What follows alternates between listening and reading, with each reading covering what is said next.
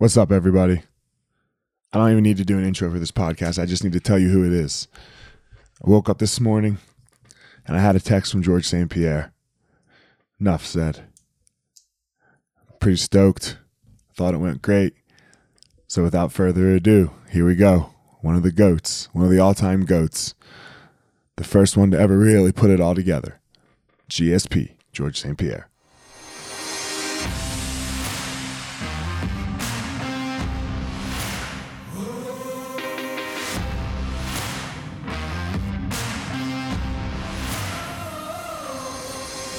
What's up, my ninjas? This is former UFC fighter Elliot Marshall, and this is the Gospel of Fire, where we are going to learn how to go into the fire so that we can find our power and live the best life possible.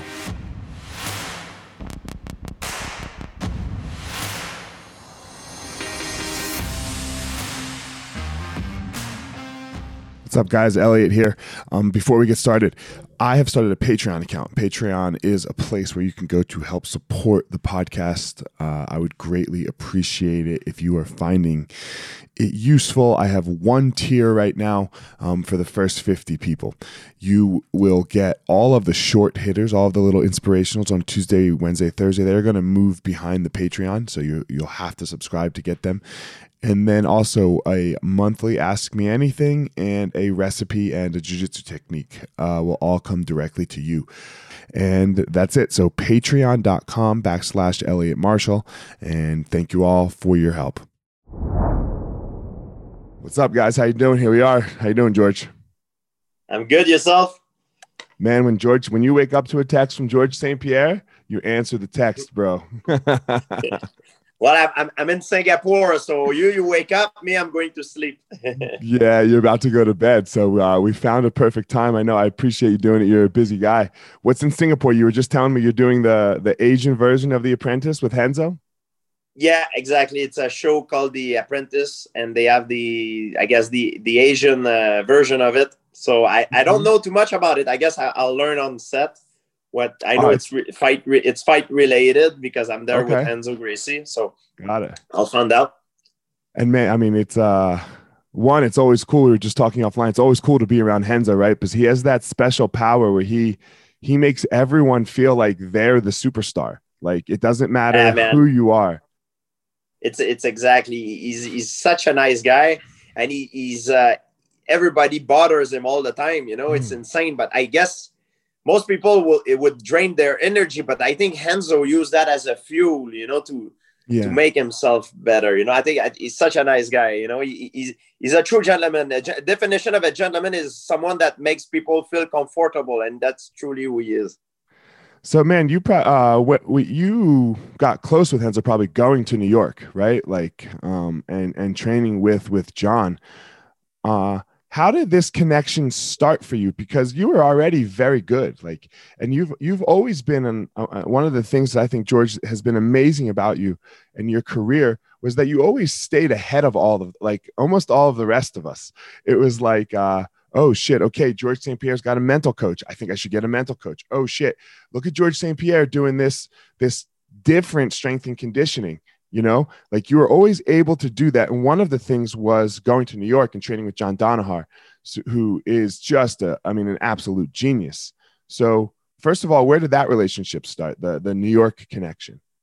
Um i uh, i was in montreal. The first time i went to new york i was about 16 years old. Uh, okay. 16 years old at the time was the time when you're allowed to drive your car uh, in uh, quebec. Uh, okay. you can get your driving license so um, I was doing karate. I was I was a mostly a striker, you know, and I wanted to be a, a mixed martial art uh, fighter, professional mixed martial art fighter. And I I knew I knew the Gracie because I watched the UFC. So I I uh, I looked up, tried to find out where I can go and learn from them. And I found out that the, the closest school was in New York U, United States because back in the back in the day, it didn't have a lot of jiu-jitsu school. It was not a, as known as it is today.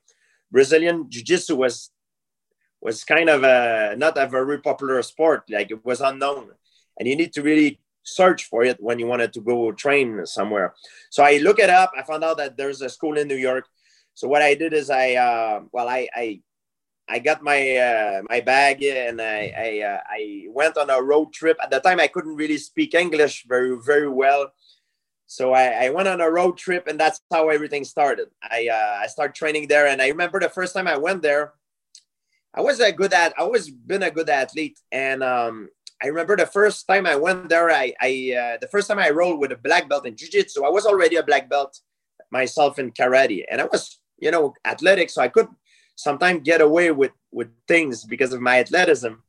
But I remember I, ro- I rolled with a guy called Shawn William, who was at the time about 20 pounds lighter than me.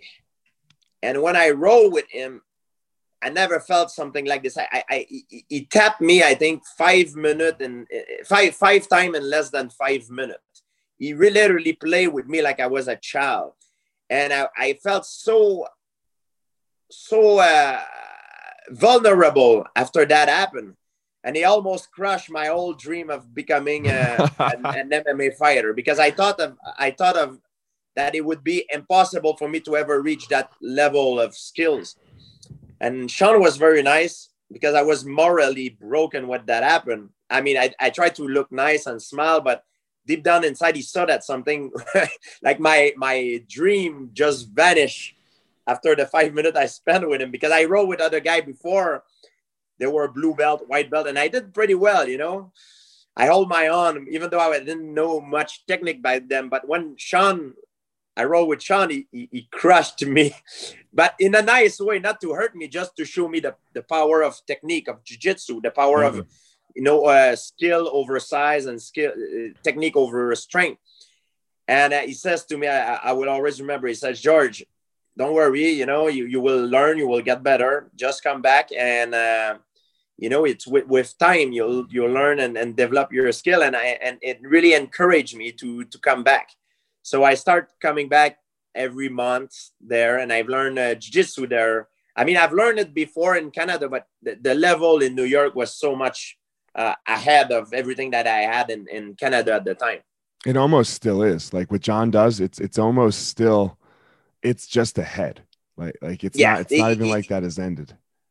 He's like he's like Bruce Lee in in terms of he's a real innovator. Uh, he mm-hmm. changed the games, yeah. uh, and I think because of his background in academics, he's a PhD in philosophy, and he's incredibly smart and incredibly uh, he's very cultured. You know, like he's academic academically very very very very smart. So he brought that that academic background into jiu-jitsu the way he teaches it's very very well structured and that's why even though at the time when i first started training there my english was not good I, I was able to understand everything because the way he teaches. You don't need to speak english very good very well to understand his methods. And his he's so efficient. I can remember um, the first time that i went to new york it was 2001 and uh, it was a it was when it was above you were there obviously above the methadone clinic right? Where you had to take the elevator up with the drug addicts you know? Um yeah yeah that was uh, that was uh, when i went there first yeah. Yeah. And he he was a saturday morning and he's teaching this class but he has he's doing this private lesson as well. And it's just these massive like 250 pound wrestlers jacked wrestlers right? Like i mean 10 pack abs and he goes over and all they wanted to do was train live. They didn't want to learn.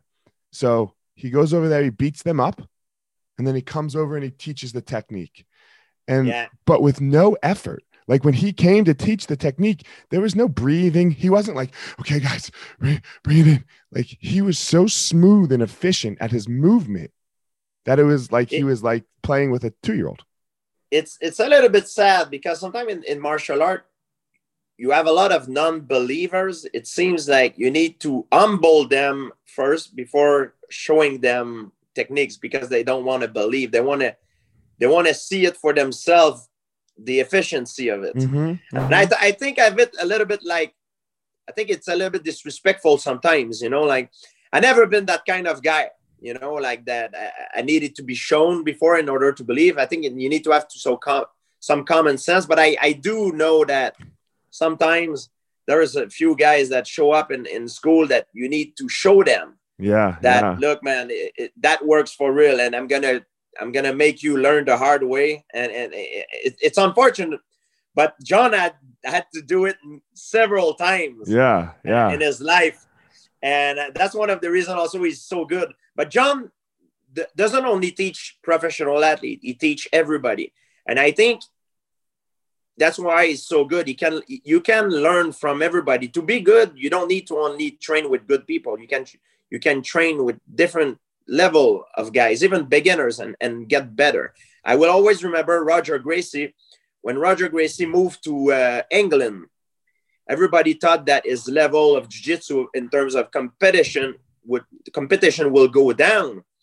And when he moved in, in England, that's when he became better than ever because when you train with beginners sometimes you you you tune up your offense game and when yeah. you train with more advanced guy you tune up your defense and when you train guys of your own level you sometimes you, you're not willing to take certain risks that you would take when you go with beginners so it make it make you less opportunist. You know what I mean? Yeah. So I think it's it's a good good idea to train with all kinds of guys, not only good guys, train with beginners as well. It, man, that's such a and look, you never know what you'll do for them. Like what Shawn Williams did for you. He was a he didn't have to train with you, right? Yeah. And now he trains with you. You he and he almost uh he almost gave you that spark back and and now look who you've become right so you never know what how you're going to touch someone's life either which is yeah. almost as important as anything else yeah shawn now i i, I uh, gave him the nickname since then. He has a nickname from me. I, every time i see him i call him my worst nightmare. I don't call him shawn william. I say hey how are you my hey uh, hey my worst nightmare. How are you? Nice. He laughs um, at me all the time so your next move, man, was probably to Albuquerque, you know, with Greg. And it's so amazing because you already had an amazing coach. Like Firas is like, and he's still your head coach, obviously. But uh what what keeps you searching in just in your life? It seems like that's who you are in your life, not even so much, and you followed the same path with your martial arts career, obviously. Um, why do you keep searching out for what I like to call more skillful? I don't like to say better, right? Because I like to use these words skillful and more skillful because look, um, at one point in your life, in your career, you were the best, but you were still searching. And a lot of people, when they become the best, they go, Oh, I'm the best. And it stops, right? That that's more skillful stops, but you never stopped. You're the epitome of it. So, what was that driving you that made you be always more skillful? So, so at the time, before I started training to Albuquerque, I, I um I was training in Montreal. I had that David Loiseau was a David mm-hmm. Loiseau, Patrick yeah. Patrick Cote. Uh, we had a few guys back home that I was training with, but I wanted to to have a different variety of training partner because I believe that the mo the biggest your variety of training partner is, the better you will be to uh, to be ad- to adapt yourself to different kind of opponent. So you want to wire, like make your your range of of training partner very wide. Some tall, linky guy, some more stocky, shorter guy, lefty, righty, some grappler, some wrestler, some more boxer, some more Muay Thai, some more sambo skill wise, some more uh, judo, all kind of different varieties because there's so much different style in mixed martial art. Everybody comes from a different background. I'm I'm personally from karate. Then then I mix wrestling, jiu-jitsu, boxing, but everybody moves, everybody has different uh, tendency and, and and different tricks. So I, I remember I was in a at a UFC show and I met uh, Rashad Evan for the first time. And he was a very nice guy. And I saw him on the on the on the reality show, The Ultimate Fighter and he, he asked me he said george would you would you like to train? I said yeah i would love to train with you. And i and i you know we start we trained together and we became friends eh, right away. We we connect you know i i, I like to have my train i train with guys that not only that are good but also that are nice guy that i connect with. I would never team up with guys that doesn't share the same value as me. I would never do that. So all my training partner are guys that all the guy that I train with is because I genuinely want to help them and I, I they want to help me, not because it's it's just how oh, we we we try to bang each other and that's it. And I think it's it's when you train with someone, it's not like a fighting. Even though we train fighting, it's it's genuine because you want you use him to improve your skill and he use you to improve himself as well. So it's a give give and take. Uh, it's a fair trade, you know, and you want to do it with people that you like. So when I first started training with Rashad, I became very friend with him. I start, after talking to him, we, we right away connect. And Rashad told me, said, George, I would like you to to to to to welcome you to some of the other guy that I train with, Nathan Marquardt, Keith Jardine, and I said I would love to, and uh, Greg Jackson. So I went to Albuquerque uh, the first time, and and I and and we we made kind of a union all together. We not I don't like to call it a team because I you know everybody has different theme and me, I'm I'm I'm not loyal to a team. I'm loyal to a person. You know what I mean? Because there is good and bad people in every team. And me, I'm a very loyal guy to per, to people that I'm. I'm very loyal to people that I like and who are my friend. So I'm uh, I I uh, start training with uh, Greg Jackson after I met Rashad, and and he introduced me to Greg, to uh, uh, uh Nathan Marquardt, Keith Jardine, and uh, Donald Cerrone, and a few some of these guys, and we became very good friends. And we used to help each other in training camp. So when, for example, I had a fight, most of the time, a lot of these guys used to they, they come in Montreal, they fly in to help me train. When Nathan or Rashad had a flight, I used to fly in either Albuquerque or, or Denver, and that's how we, we did it. So we formed a, a union that was very beneficial for all, for all of us and that's one of the thing I I I, I think that helped me uh, be become uh, to, to to to to to be champion uh, in this game. That that that that union and that expertise also that Greg brought and Nathan and, and Rashad and, and Keith and, and you also Elliot because you you you were um, you were part of the team as well. all that helped me a lot in, in my career uh, as well. I, I was below you guys though at the time. You guys were I I was just making my way to the UFC and you guys were at the top.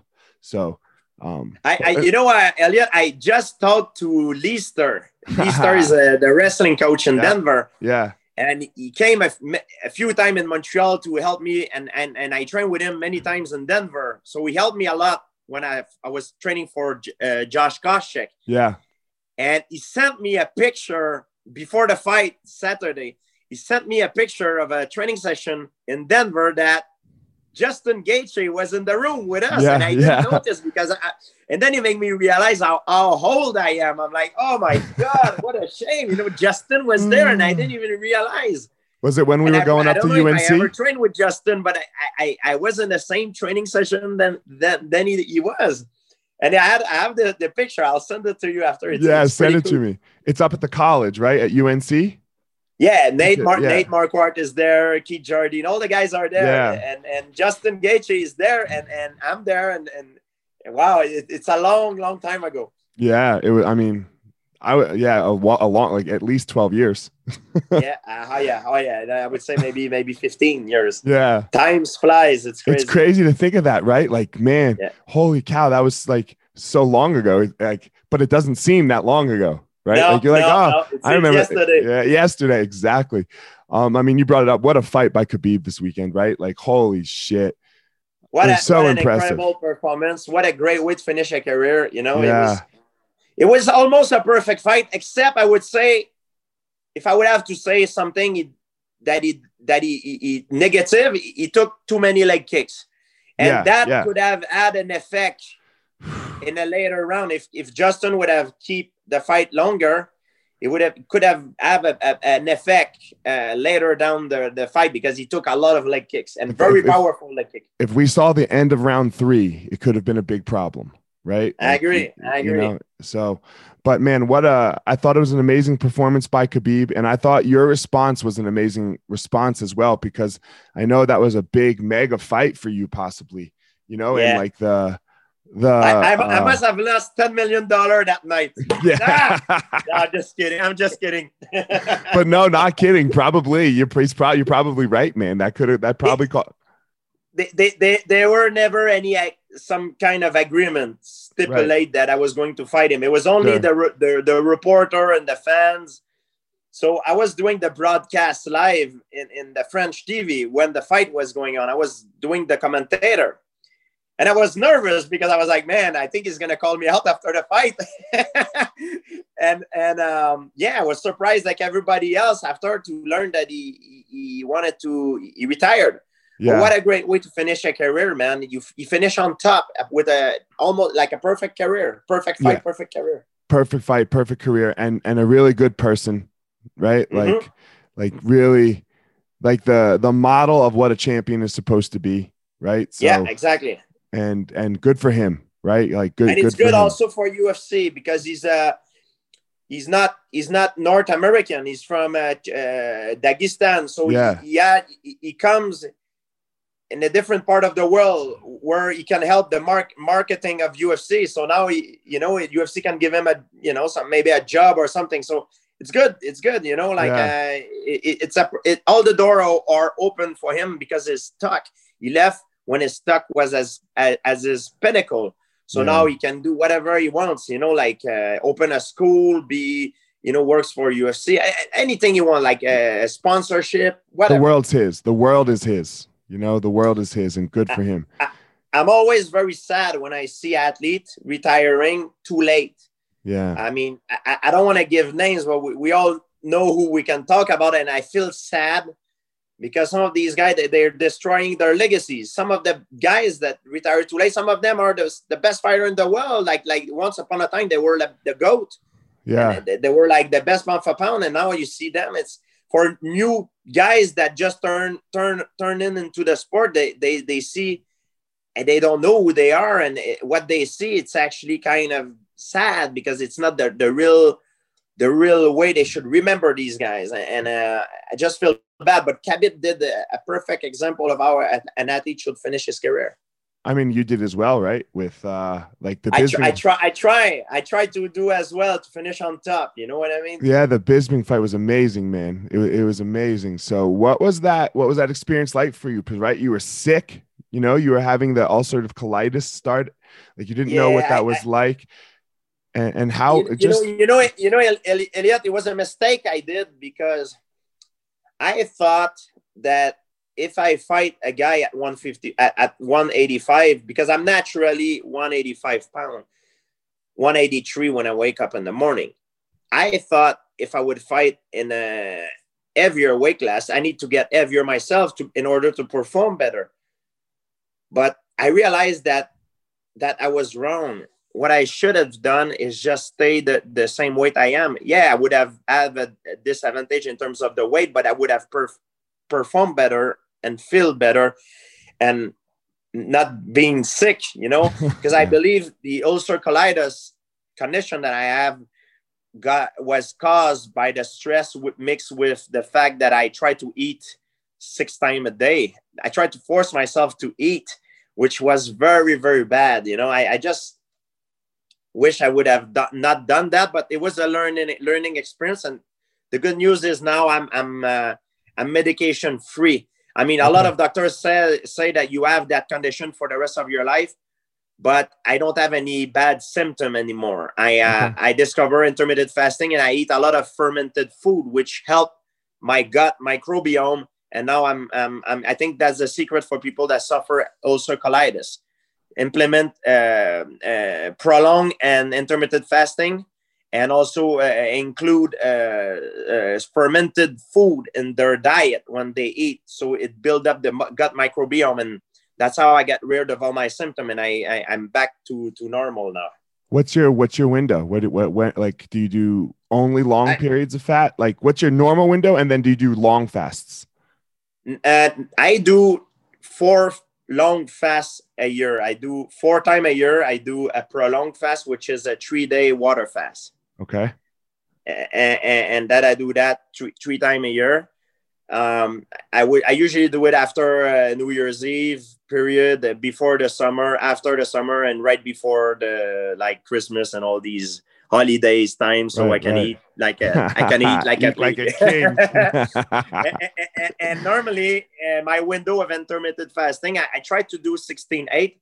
Okay. But now I don't even watch the time. I just eat whenever I'm hungry. I don't. Okay. It doesn't bother me anymore. So I just eat whenever I'm hungry. And and I really realize that we're really overfed as a species. You know, like and and sometimes when you're hungry, it's not because you're really your body needs it. It's because your insulin spike. Mm-hmm. And just to give you an example, I, I you know one of the best way for people to travel is to not be jet lag and to to reset your clock as fast as possible in the time zone where you're going. It's not to it's to not eat on the plane. Try to not eat on the plane. Fast on the plane, and when you land, you right away eat according to the hour of the destination where you're you are. So that's the best way. Because if you start eating on the plane, you'll mess up your whole biological clock. That's and uh, that's why I just did for the long trip going coming to Singapore, and it, it helped me a lot. That man, I have a an employee that works for me, and her dad. They live in Hawaii, but her dad has to come to the mainland often, and sometimes the East Coast, and that can be like a seven hour time difference often. Yeah. And she said, like when she was a kid, he would uh, adjust his like the way he dealt with his time with the time zone and the jet lag is the week before he went he would adjust his eating and eat on East Coast times. Like, you know, you, you, you, can do that, but an easier, I mean, it's not easier because you, you don't eat on the plane, which could be hard for someone who's not used to it. He's gonna, he's gonna feel hung, hunger. But for me, I, I, like to suffer more for a shorter period of time than yeah. suffer less for a longer period of time. I like to do it more rad- radical. You know what yeah, I mean? Yeah, yeah. But everybody is different. You know, For it sure. depends on what kind of person you are. You know. Yeah, the, the eating thing is what made me think of it. How you said you eat at the time zone of where you get there. So that was, you know, that was. Yeah, only um, only once I arrive at the destination. Once you get you there, know? right? Yep. Yes, yes. If um, it's a crazy long flight, maybe you you you can eat on the plane, but you know, sometimes you have the tendency they serve you good food and plane, you know, and it smells mm. good, and you're like, oh, I'm gonna eat this, that, and not because your body needs it because you're used to it. It's there. By, by it's like an habit you know? Look you're bored and you're there. It's, it's right in front of you. So yeah, yeah, you're like ah fuck it let's eat. Um man what I, I did want to talk about it and i hope it's okay with you. You've been very uh a vocal not not vocal you've you've let people in a little bit to the fear that goes behind this fighting thing for so yeah. many of us right and so many people just in their lives they get stuck in fear and they think that they are cowards and what, whatever it is mm-hmm. because they have fear right? Like just in normal life and fighting i mean bro we don't have to tell each other right? Fighting's the most scared thing you're ever going to do. Like you know like it's petrifying. What yeah. was your fear like you know first of all? And then what did you do? Like so first well, what was your fear like I, I, am always crazy afraid before every fight. I mean, I, I, always ask myself, man, what the hell I'm doing here? The night of the fight, the day of the fight, I'm, I'm waking up. I'm like, why do, why did I choose that career? Oh my God, it's so uncomfortable. It's crazy. And even all the, the weeks leading up to a fight, it's so stressful. Uh, it's unbearable, but there is no courage without fear. And the fear is kind of insignificant in a way that it's it's only subjective. Some people are like oh you're afraid to fight this guy you're afraid to fight this guy. I'm gonna and i tell them as i look i'm gonna stop you right right there. I'm always afraid to fight anybody. It doesn't matter if i'm afraid or not because the night of the fight it's written in my contract i'm gonna bite down my mouthpiece and i'm gonna i'm gonna walk the walk and fight regardless if, if I'm afraid or not. It's very hard. And I think people should be a, should should not be afraid to admit that they're afraid. In the beginning, when I first started, I saw everybody react different. Some guys are very excited to fight. Some guys love to fight. Some guys they you know they they're they're happy to be there. Everybody reacted different ways. For me, I never liked to fight. I never enjoyed it. I enjoyed winning. I enjoyed, you know, everything that comes with winning the the money, the girls, the fame, the access of things that most people doesn't have access, but you do. You know, the freedom. You know, you you you're free you know you can i have in, in a way i have no boss you know i, I do I, I fight whenever i want if i want to fight if i don't want to fight I, you know nobody can force me you know what i mean so i'm my own boss and that's what i love about fighting but the fighting itself i don't like it i despise it eh, eh, that's how i re- personally react to it because i'm afraid it's so uncomfortable and I'm afraid to be humiliated. I'm afraid to be hurt. I'm afraid to disappoint my mentor, uh, people who have helped me. I'm afraid to let people down. So it's a very uncomfortable feeling going into a fight. But you know, one thing I've tried to do is try to seek the help of sports psychologists. And I remember at the first few guys that I've met, they told me, George, George, stop saying you're afraid. You're not afraid. You're excited. And I was thinking, like in French, the word exciting, it's mean excité. It doesn't apply to me like excité. Say I'm excited if if, if there's a you know uh, if I'm going in in if if it's freezing time in Montreal and I know next week I'm going on vacation, I'm excited. If I fast for three days and I'm about to eat my favorite dish, I'll be excited, you know, to do it. But I'm surely not excited to go fight in a cage, risking my well-being and my honor. I'm afraid. And you shouldn't be afraid to admit when you're when you're afraid. And that's how I I I, I was able to overcome that. I, I feel I always thought that as more experience that I gain in my fighting career, the fear will diminish. Actually, the fear never diminished. The fear grow because every fight is bigger than the previous one, and you have more to lose because more people watching you, and you feel more tense your legacy is greater. Uh, like it, yeah, it, it's more impactful on your legacy. The, the the thing that changed though, that you learn with the experience of how to deal with it. I remember when I first fought Matt Hughes for the first time, I was so scared. I almost didn't sleep the week of the fight. I was white like like Casper the ghost, you know, like I, with my eyes like this. I, I didn't slept.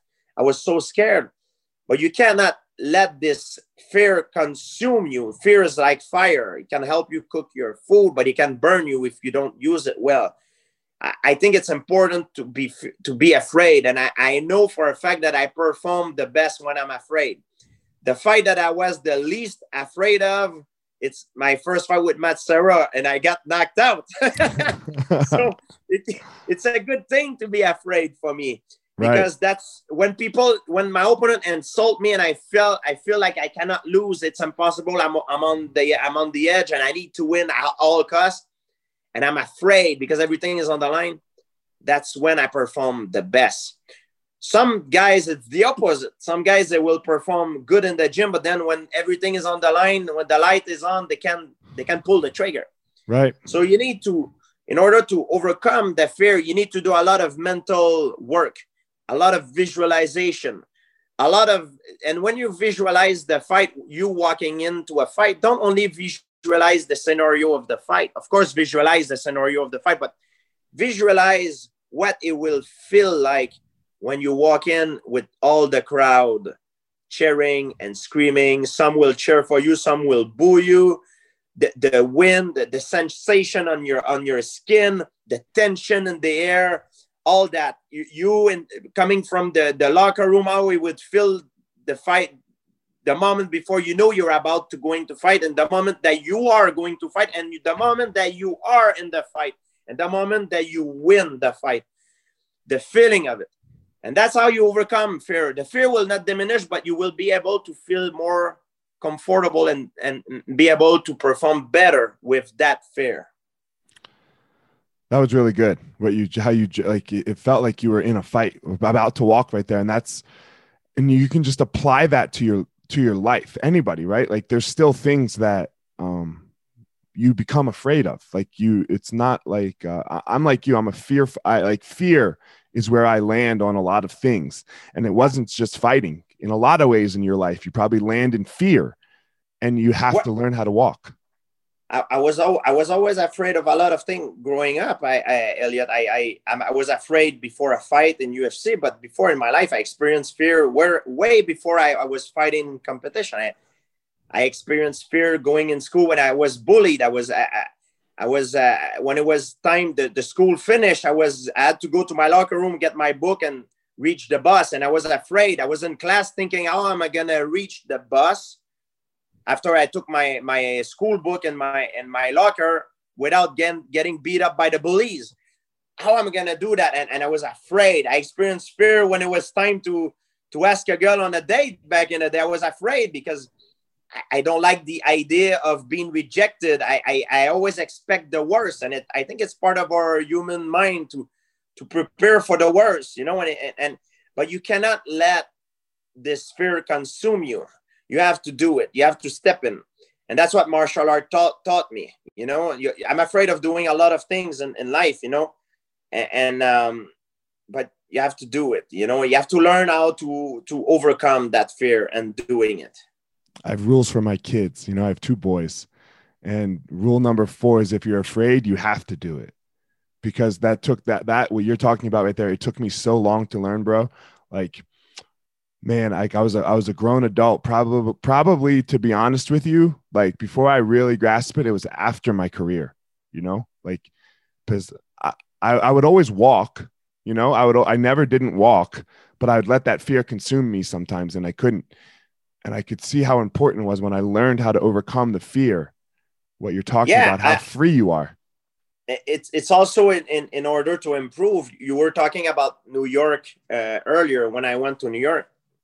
When I first went to New York uh, to train at Renzo Gracie, I'll tell you the truth. I didn't go there because I was going to have fun. I, I, I, I it was a very uncomfortable experience for me because I couldn't speak English and when I got there, I didn't know what, you know, you get into a martial art new environment, you, you feel a little bit like a, like like an outside you feel like you are an outsider. So you, you, people might try to hurt me. It's a very uncomfortable feeling but i knew that i need to go through that in order to improve.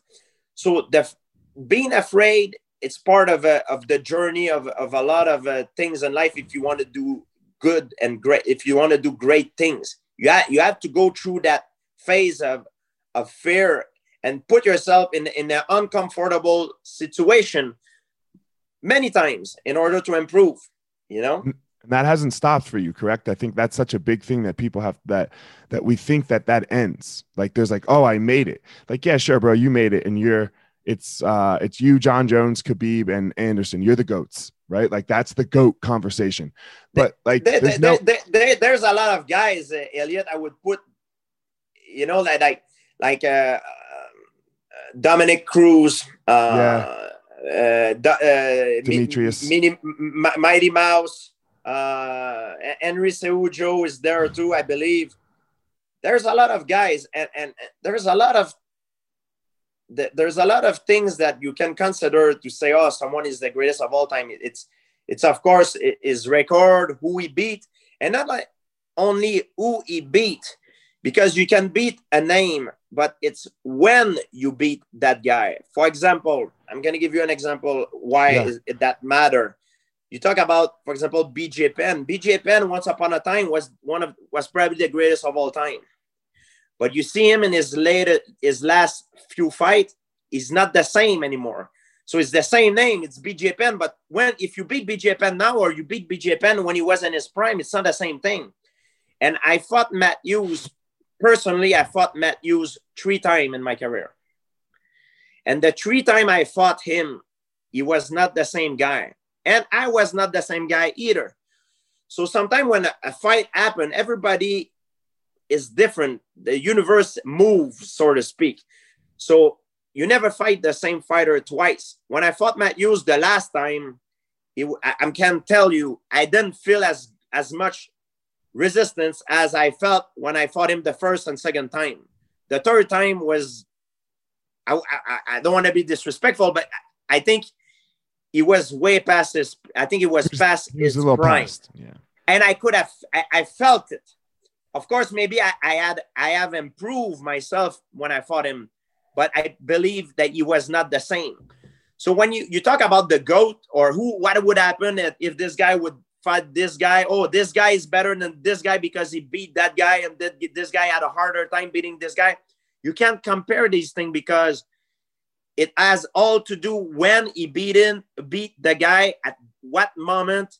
So it, it's it's a very uh, it's a very subjective conversation.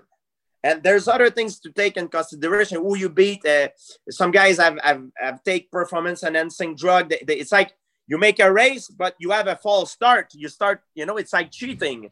This is wrong too. You have to consider that too.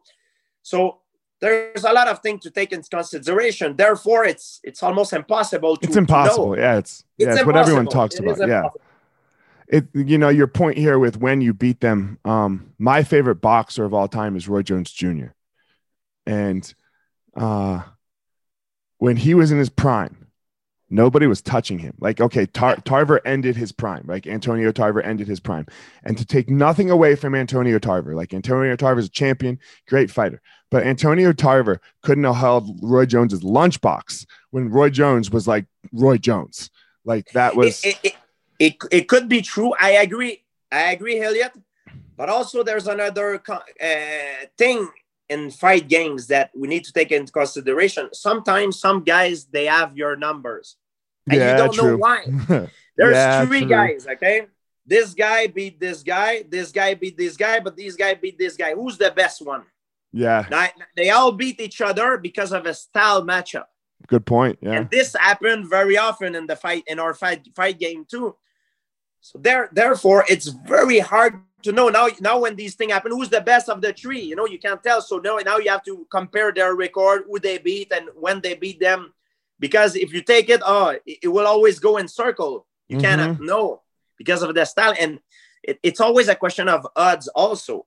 You know like you can have a bad day at work. Why a fighter cannot have a bad a bad fight? Sometimes people forget that oh, this guy is stronger than this guy. He beat him. Yeah, he beat him today. Doesn't mean he's gonna beat him to tomorrow. I beat Michael Bisping uh, in in uh, that night. I choke him. Right. It doesn't mean that if I would have fight him uh, the next day, he would not have knocked me out or vice versa. You know, right. like it's a question of odds. Things can change. But people has this tendency of thinking like, oh, this guy is stronger than this guy, so therefore that will always be the case. No, it's not. It's like in in in baseball, in football, in hockey, it's not always the best team that win the games. It's the night of the game, the team that will play the best will win the game. It's a question of odds. The odds are made for Vegas, the the the the, the right, gambler. Right. How do you? Ha- it does it does not always happen the same way. The how people think. Say, how can you say that? Uh, and I agree with you, but you're one of those people that's a winner. Like so, normally winners, like like the champions, don't say this. They go, "I'm the best." Right? Yeah. Where do where do you get this feel like where like that was such a a touching moment what you said right well, there like Bisping could have beat me tomorrow. Talking sometimes saying, "Oh, I'm the best." Anybody eh, and I used to be the same. I can relate. I used to be, "Hey, Elliot, give me a name. Anybody, anywhere, anytime, I'll fight him." I used to be the same way. I I was no different the thing that happened over time is you learn about life. I'm not the same. Per, I'm Georges St. Pierre, but I'm not the same George that I am at 39 years old that I was when I was 25 or or, or 30 years old. You right. you gain a lot of of uh, of I would say wisdom of a lot of knowledge through the the, the martial your martial art experience, and that's the truth. I'm I'm talking to you from the heart, and that's how it is. That's how I discover life. I used to think the same way a lot of these guys thinks, oh, I'm the best, I'm this, I'm that, or this guy. This is all BS. You're the best one day. You cannot be the best forever.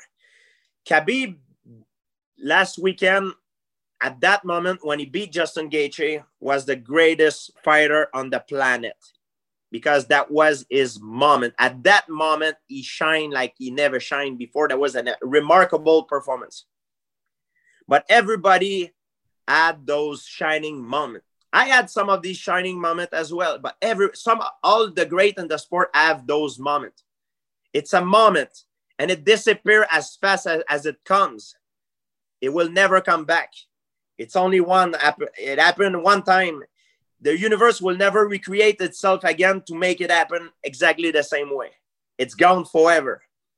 So that when you talk about the greatest of all time, it's it's a moment at that moment that guy was was the, the greatest like in the world but you say the greatest of all time, you try to compare every fighter in their prime and their greatest moment, who would have win or who would have done. It's it's it's such it's it's such a crazy question. It's very hard to to to to you only can speculate and give some names. You know, you can put a few people in like like uh, like we said like jon Jones. I, right, I agree. Right. Anderson Silva.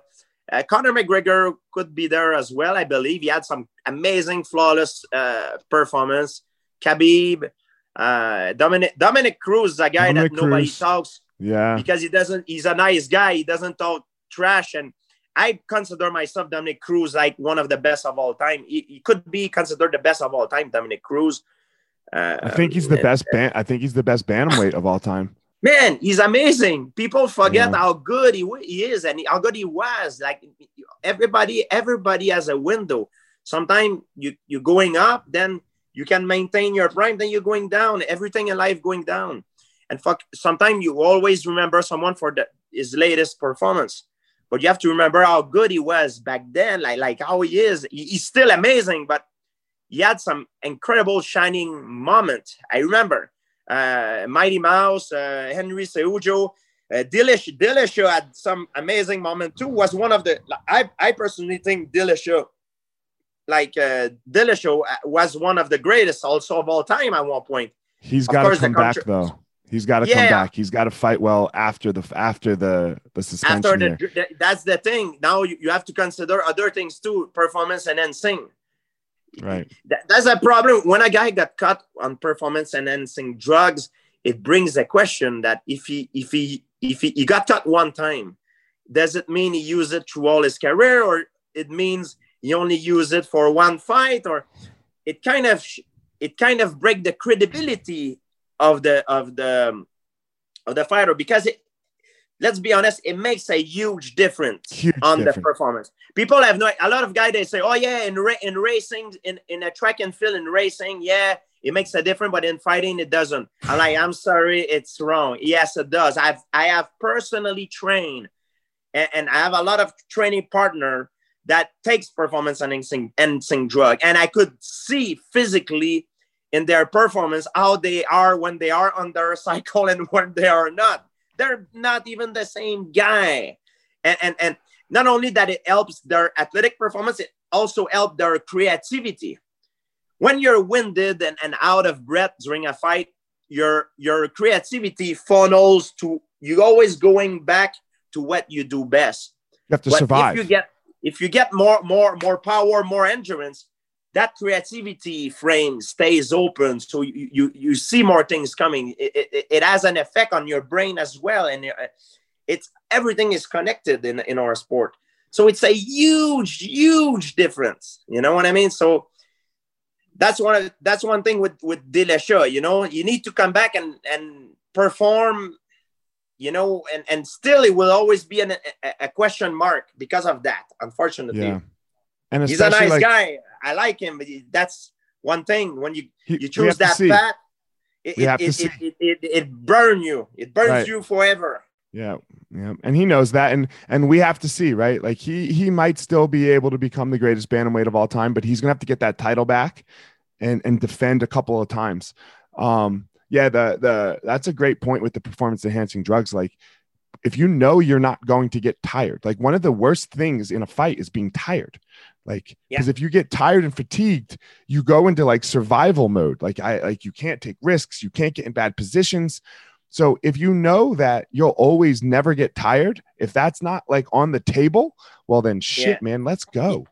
yeah, I had a had an interview I think with Ariel Helwani one time, and we were talking about the, the performance enhancing drug, and they they were asking me they had a, a, moment after a press conference. I remember when Victor Belfort threw that crazy spinning yeah, wheel kick. Yeah, yeah, yeah.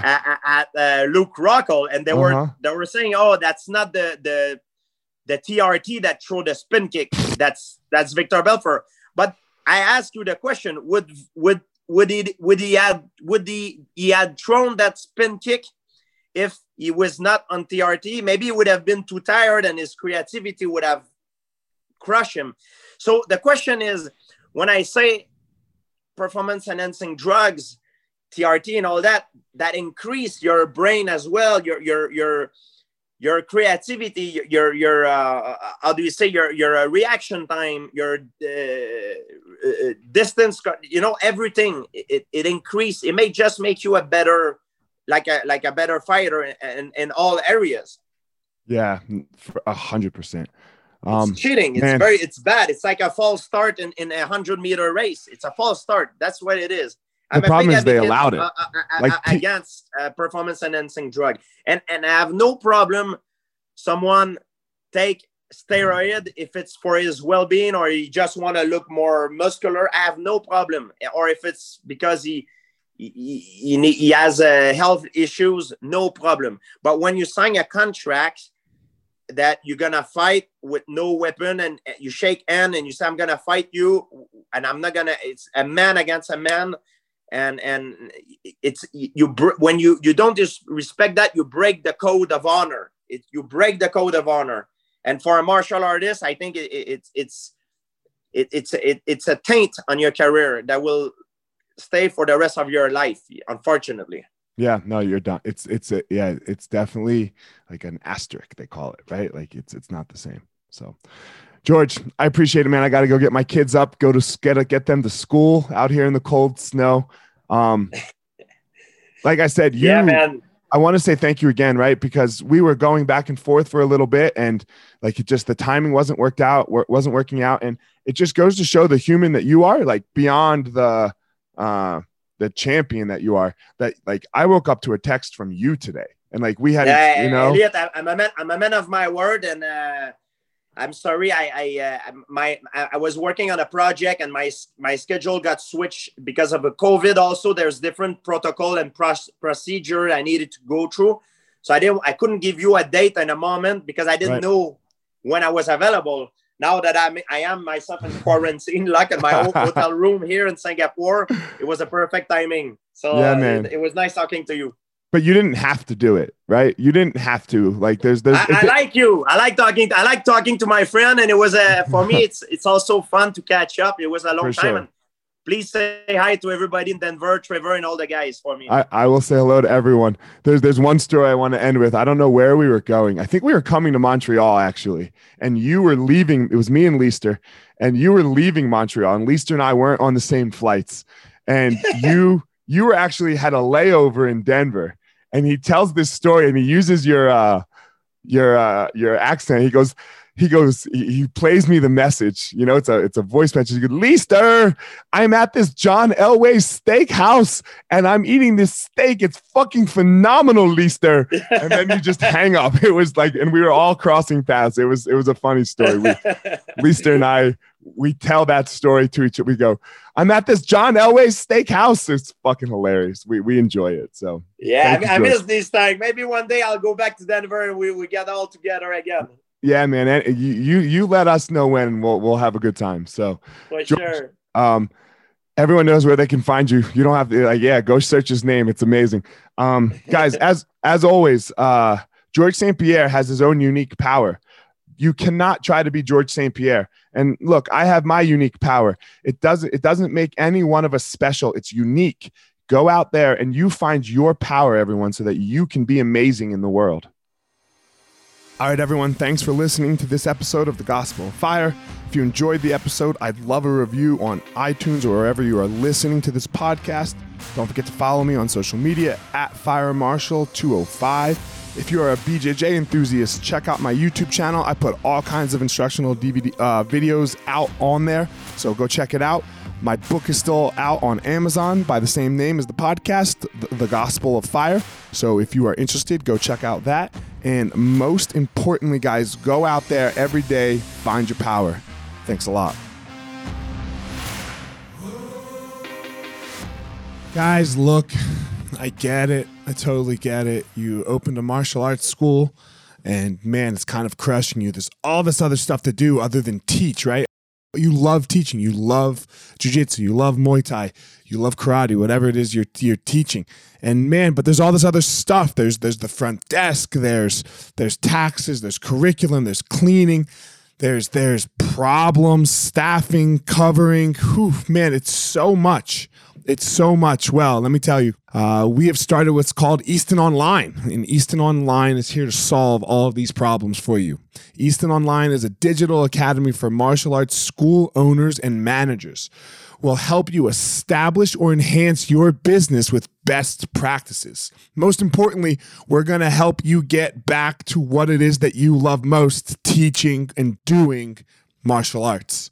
Okay, so for more information, guys, go to easton.online. Again, that's easton.online.